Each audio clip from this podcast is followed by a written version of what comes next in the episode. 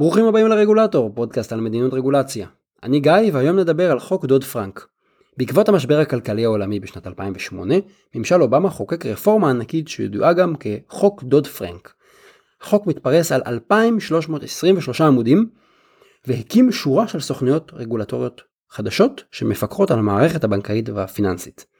היום פעילות מכוח החוק 11 סוכנויות שונות.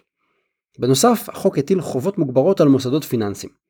אותם מוסדות צריכים לציית ללא פחות מ-243 חוקים ורגולציות שונות, שנועדו להפחית את הסיכונים למערכת הפיננסית. מאז 2010, העלויות של דוד פרנק הסתכמו ב-73 מיליון שעות עבודה רק של ניירת רגולטורית, והוצאה כספית של 36 מיליארד דולר.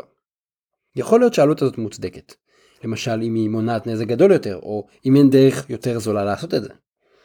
אבל הרגולציה הזו לא עולה רק בזמן ובכסף. זו רגולציה שמיועדת לשמור על יציבות המערכת הפיננסית, אבל היא מביסה את עצמה. היא גורמת לתוצאה ההפוכה. מאז שדוד פרנק נחקק, נסגרו יותר מחמישה בנקים. זה מוסד פיננסי גדול, בנק. בנק לא נסגר כל יום. אז זוכרים שזאת רגולציה שנועדה לשמור על היציבות בבנקים? בואו נראה איך היא גורמת בדיוק להפך. זה קורה בגלל שהמחוקקים שניסחו את החוק עשו את זה עבור המוסדות הפיננסיים הגדולים, הענקיים של וול סטריט, אבל הם החילו אותו על כל הבנקים בארצות הברית, קטנים כגדולים. בנק קטן, שיש לו סניף יחיד בעיירת פועלים בקנזס, לא מסוגל לשאת בעלויות הבירוקרטיות שהחוק יצר כדי לפקח על תאגידי ענק מניו יורק. כיום, כל בנק שמנהל נכסים בשווי של מעל 50 מיליארד דולר, נחשב למוסד עם חשיבות מערכתית, SIFI, הרעיון מאחורי החוק הוא שיש מוסדות פיננסיים גדולים מדי, שאי אפשר להרשות שהם יקרסו. מה שנקרא too big to fail. הבעיה היא שגם בנקים קטנים ובינוניים נופלים תחת ההגדרה של ה-50 מיליארד דולר. כתוצאה מכך, אותם בנקים מתקשים להתמקד בעסקי הליבה שלהם, כמו הלוואות לצרכנים ולעסקים. מה שקורה זה שאותם בנקים קטנים נאלצים להתעסק ולהקדיש יותר ויותר משאבים כדי לציית לרגולציה. השירות שהבנקים הקטנים נותנים יידרדר, הם מעניקים פחות הלוואות לעסקים קטנים.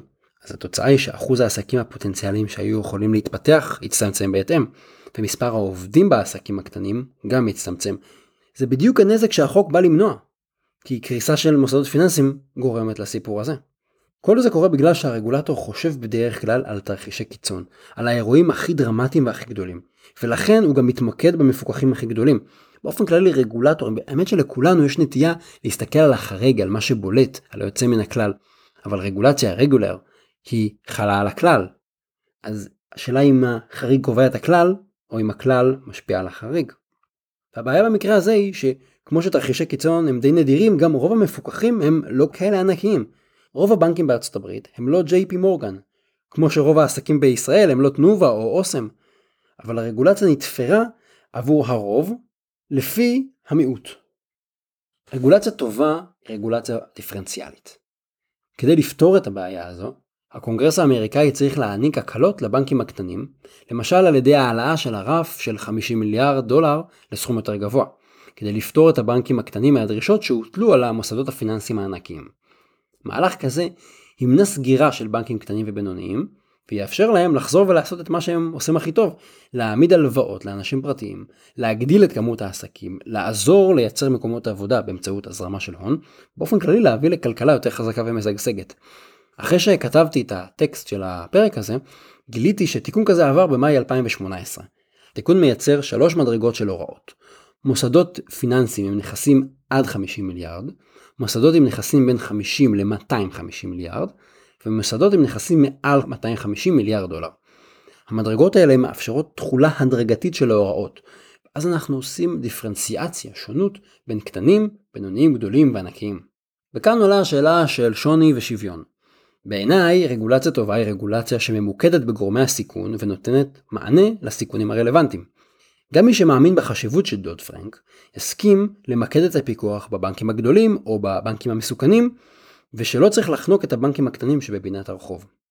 לפעמים אני נתקל בטענה משונה. אומרים לי, בשם עקרון השוויון לא ראוי שיהיה דאבל סטנדרט, ולכן גם החוקים וגם האכיפה צריכים להיות זהים לכולם. הטענה הזו נשמעת טוב בשנייה הראשונה, כי שוויון זה ערך ראוי, מי לא רוצה שוויון?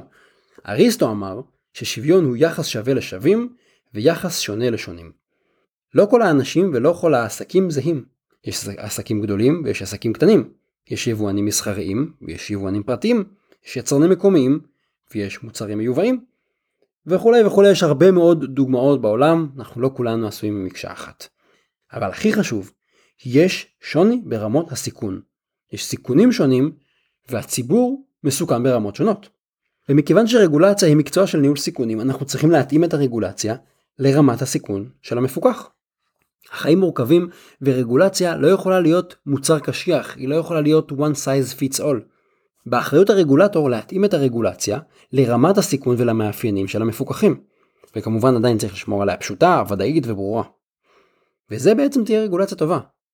שונות, דיפרנציאציה, הבחנה בין עיקר לטפל, הבחנה בין מסוכן יותר למסוכן פחות. עד כאן להפעם, אתם מוזמנים להמשיך לשלוח עליי שאלות למסנג'ר של עמוד הפייסבוק, אני אשתדל לענות עליהן. תודה שהאזנתם לעוד פרק של הרגולטור. כדאי לעשות מנוי באפליקציות השונות, ככה תבטיחו שלא תפספסו פרקים.